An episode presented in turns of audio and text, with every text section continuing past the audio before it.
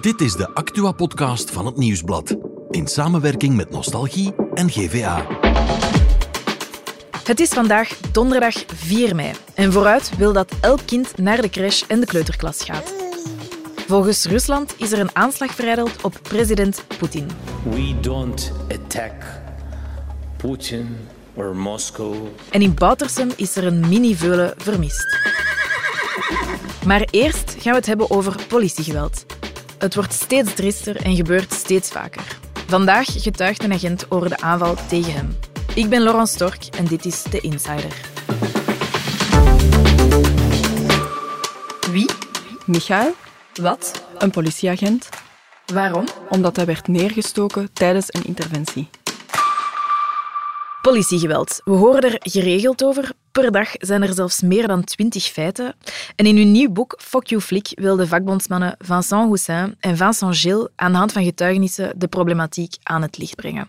Bij ons in de studio zit misdaadjournalist Annelies Baten. Hallo.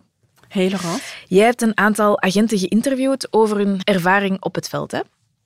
Dat klopt. Ik heb de afgelopen dagen met een aantal politieagenten kunnen spreken die slachtoffer zijn geworden van geweld.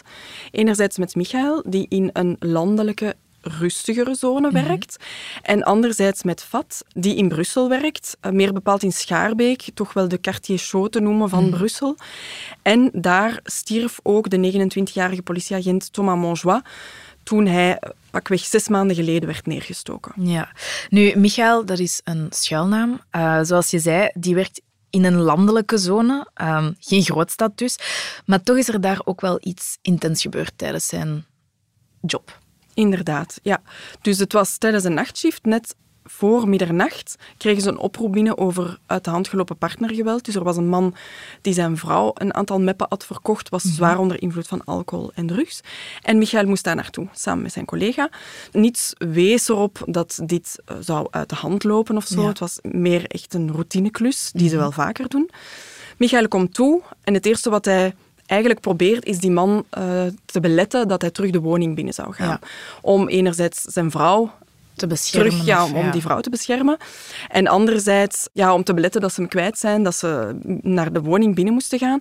En op dat moment ziet Michael dat hij hem heel hard in het vizier krijgt, dat hij hem eh, ja, in de gaten houdt.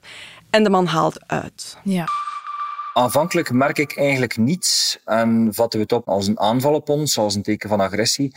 En eh, gaan wij hem overmeesteren, brengen we hem naar de grond. Dat lukt ons wel.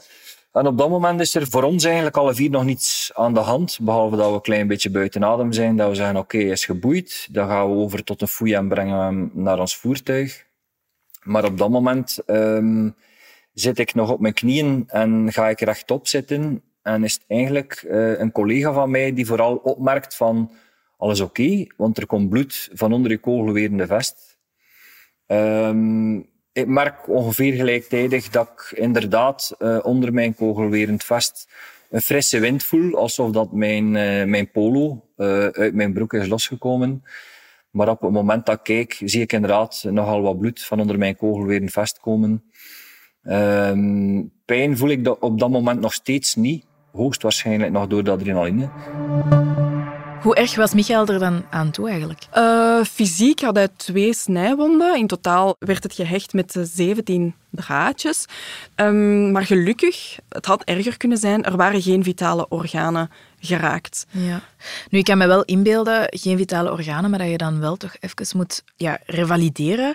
Is hij dan ook een tijdje thuis geweest, niet gaan werken? Of... Wel, eigenlijk is hij verbazingwekkend snel terug aan het werk gegaan. Na één week rust heeft hij beslist om het werk te hervatten. Dat was enerzijds omdat hij ook de collega's niet in de steek wilde laten, omdat zij toch ook wel een beperkter en kleiner team zijn, omwille van die landelijke zone. Maar ook anderzijds en bovenal omdat hij zijn job heel graag doet. Dus als ik het goed begrijp, is hij er eigenlijk nog relatief snel vanaf eigenlijk. Daar lijkt het op, eh, want uiteindelijk, amper een maand later, op 10 november 2022, krijgt hij samen met alle andere collega's nationaal een bericht binnen dat er een collega is neergestoken met een mes in Schaarbeek, in Brussel, ehm, en dat die collega ook overleden is. Het gaat over Thomas Manjois. Ik help eventjes herinneren. Vorig jaar werd de jonge politieinspecteur neergestoken. Hij overleed aan zijn verwondingen. Uh, hij is groot in het nieuws geweest ook. En het bericht over dat overlijden komt op hetzelfde moment bij alle politiekorpsen in ons land binnen. En dat zorgt natuurlijk voor een enorme schok bij die mensen. Ik had ook wel het gevoel dat ik wel vrij stevig in mijn schoenen stond, dat ik ook wel wat aankon. En dat bleek ook. De komende weken en maanden ging mijn werk verder, kon ik dat goed plaatsen tot op de nacht waar dat de collega in Brussel in de hals wordt gestoken. En ik werk die nacht ook. Het zijn allemaal nachten dat ik u vertel natuurlijk. En dan komt een broadcastbericht. Dat is een nationaal bericht die verstuurd wordt. Dat bericht komt natuurlijk binnen bij alle politiediensten, ook bij ons. En dat is de laatste nacht dat ik goed geslapen heb. Want vanaf de nacht die daarop gevolgd is, heb ik de eerste maanden, en dan spreek ik tot in januari, elke nacht dezelfde nachtmerrie gehad. Die is teruggekeerd. Dat was de nachtmerrie waarbij ik mijn tussenkomst herbeleef met de, de uitkomst van de collega in Brussel. Waar dat ik zelf in de tussenkomst ga, maar dat ik het beleef als een derde persoon die erop staat te kijken. Dus ik zie het volledig gebeuren. Ik kan op den duur omdat ik die nachtmerrie steeds opnieuw herbeleef, kan ik ook perfect voorspellen wat er gebeurt. Ik kan er niks aan veranderen. Ik kan het enkel bekijken. Maar het eindresultaat is dat ik de ambulanciers hoor toekomen en dat ze mij daar, of dat ze de collega's daarin lichten, dat ze niet veel meer voor mij kunnen doen, dat het te laat is. Die nachtmerrie is geëvolueerd naar een van mijn kinderen die daar ligt, in plaats van ikzelf. Naar een familielid van mij die in diezelfde uh, zomer is gestorven, um, die mij wenkt van kom maar mee naar mij. De mentale weerslag die was eigenlijk groter dan het fysieke. Um, is dat iets dat je dan ook hebt gemerkt in je interviews met de andere politieagenten? Ja, inderdaad. Ik merkte het ook uh, tijdens mijn interview met FAT. Dus zij is politieagente in Brussel en zij mhm. werkte ook uh, in dezelfde wijk als Thomas. Ja. Haar verhaal is eigenlijk, zij zat in volle coronaperiode zat zij te patrouilleren en uh, ze moest erop toezien dat de uh, winkels op tijd gesloten werden. Ja. En plots werd zij geviseerd door een man die dreigde haar de keel over te snijden. Mm. Het kwam uh, op een bepaald moment tot een heel heftig gevecht waarbij dat die man haar dienstwapen ja. uit haar wapengordel probeert te halen. En zij vertelt dan ook op dat moment, denk ik, nu is het gedaan. Mhm. Want als hij mijn pistool te pakken krijgt, dan gaat hij echt niet twijfelen.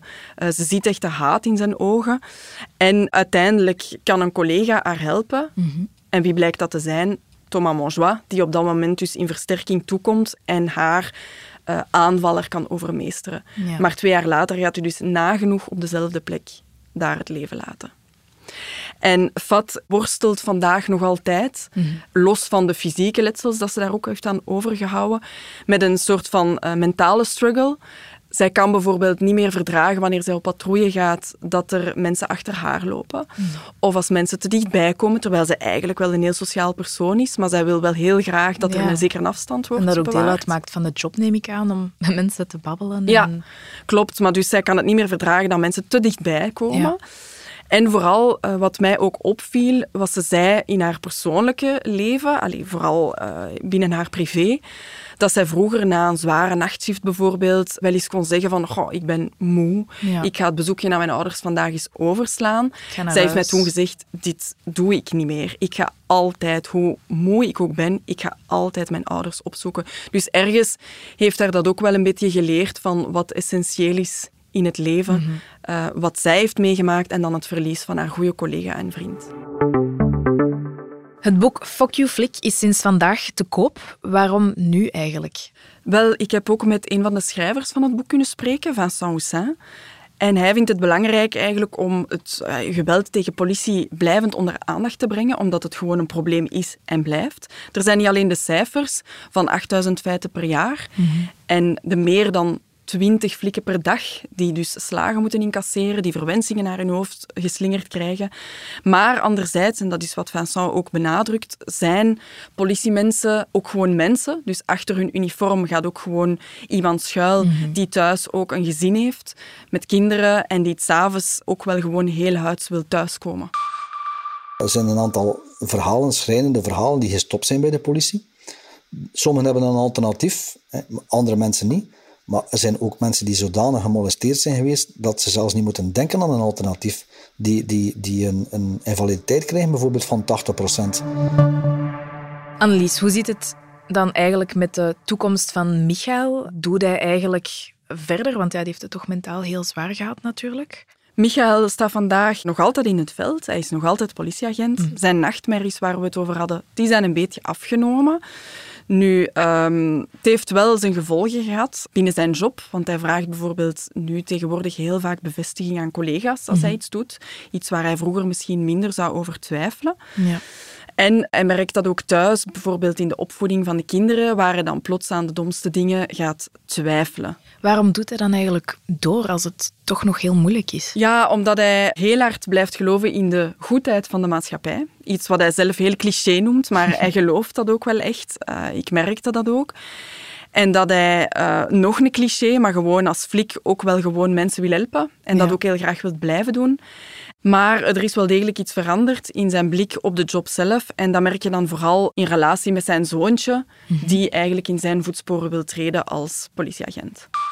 En mijn tienjarige wil ook bij de politie. En ergens wil ik dat ook, want ik vind het nog altijd een fantastische job. Eén, het is, het is leuk voor mij, want dat wil ergens zeggen dat ik toch wat inspireer naar hun toe. Maar anderzijds weet ik ook dat hij de gevaren en de risico's niet kent. En dat vind ik normaal. Dat is volledig normaal. Mijn vader was zelf ook bij de politie. En zelfs toen ik in de selectieprocedure zat, had ik een heel ander beeld van wat dat het werk inhield dan hetgeen wat dat ik altijd had gezien van mijn vader. Dus ergens is dat ook normaal. En dat kun je pas weten op het moment dat je in de praktijk staat. Het is een intens en uh, pakkend verhaal. Ik zou graag Michael willen bedanken dat hij graag wou getuigen. En dankjewel Annelies om het ons te komen vertellen. Dat is graag gedaan. Producer Bert is er ook bij komen zitten, want er is natuurlijk ook ander nieuws hè, vandaag. Dag Laurence, inderdaad. Hallo. Er is ander nieuws, zoals altijd. En het nieuws wordt gedoneerd door de oorlog in Oekraïne. Je hebt het wel gehoord, er zou een droneaanval verrijdeld geweest zijn op president Poetin. Dat was het nieuws dat uit Rusland kwam. Niemand weet wat er juist gebeurd is. Mhm. Uh, we hebben gewoon de berichten dat er een drone rond het Kremlin is onderschept. Ja. Uh, maar natuurlijk, Rusland grijpt dan nu aan om te zeggen van wij gaan vergeldingsacties uitvoeren. Het was de VS die zat. Het was Oekraïne die erachter zat. Zelensky heeft al gereageerd. Hij zegt, ja, pff, wij waren het zeker niet. Wij weten van niks. Nee, wij hebben zelfs geen geld om dat soort acties te doen en zo verder.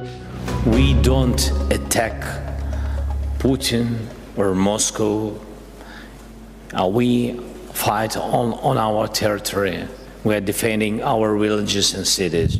We don't have, you know, enough weapon for this. That's why we don't use it anywhere. Maar Rusland heeft ook al gereageerd. En ja, zij hebben echt wel al zware aanvallen uitgevoerd in Oekraïne, onder meer in Kiev.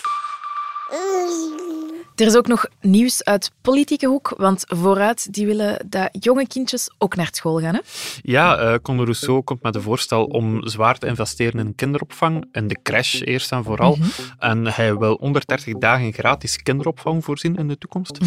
Plus, hij zegt eigenlijk zou elk kind vanaf drie jaar verplicht naar school moeten gaan. Hij wil dat eigenlijk doen om kansenarmoede te vermijden Mhm. en elk kind gelijke kansen te geven. Nu ja, de vraag is natuurlijk, wat gaat dat kosten? Ja. Ehm, ja, dat gaat 2 miljard kosten. En ehm, dat is heel veel, om nog niet te spreken van, ja, momenteel zijn die plaatsen er niet. Iedereen Ja. weet dat er heel veel plaatsen tekort zijn in de kinderopvang. Dus ja, er is wel een plan. Er wordt gezegd van, we gaan dat onder meer met erfenisbelasting en zo verder Mhm. eh, opvangen. Maar het is wel ambitieus, laten we het zo zeggen. We zullen, we zullen zien.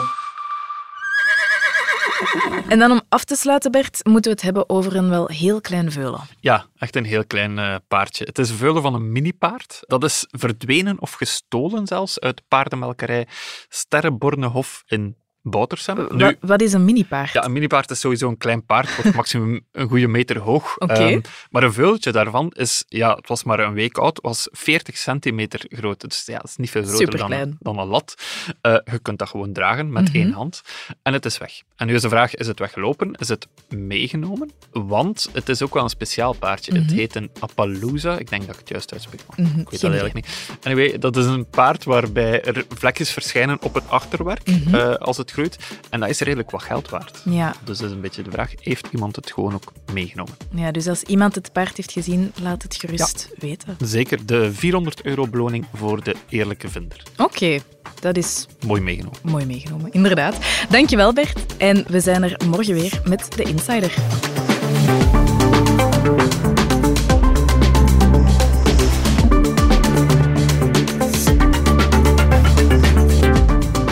Dit was The Insider, een podcast van het Nieuwsblad in samenwerking met Nostalgie en GVA.